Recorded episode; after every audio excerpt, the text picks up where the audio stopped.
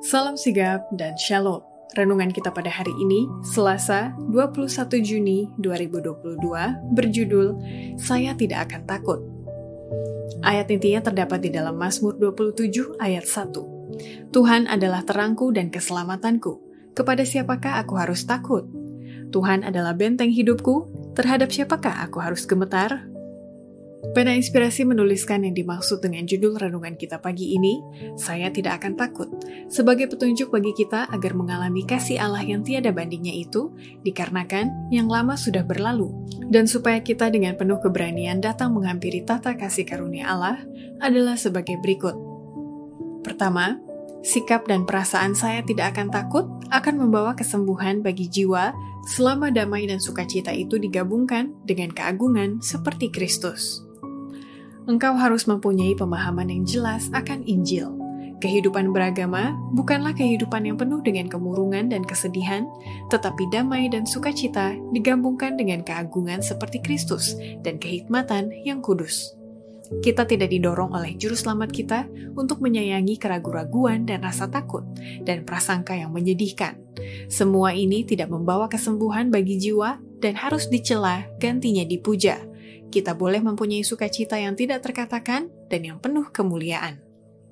Kedua, sikap dan perasaan saya tidak akan takut menunjukkan orang itu bersandar pada pemeliharaan juru selamat karena sesungguhnya rasa takut itu menunjukkan ketidakpercayaan.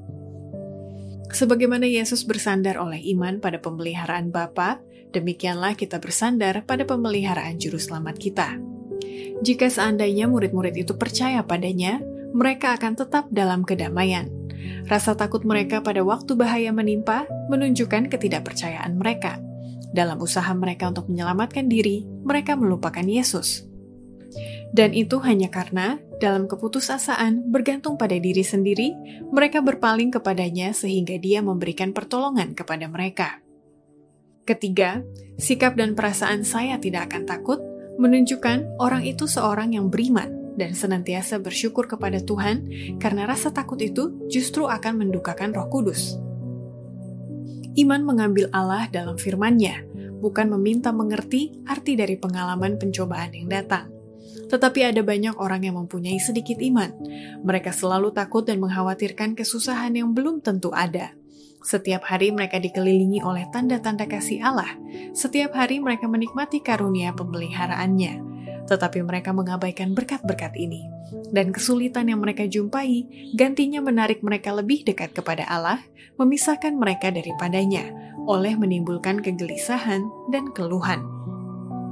Keempat, sikap dan perasaan saya tidak akan takut menunjukkan orang itu percaya pada perlindungan Tuhan yang tidak pernah gagal, karena Tuhan sendiri tidak pernah mengatakan jangan takut, tidak ada mara bahaya dalam jalanmu. Tetapi Tuhan kita tidak menipu kita. Ia tidak mengatakan kepada kita, "Jangan takut, tidak ada mara bahaya dalam jalanmu."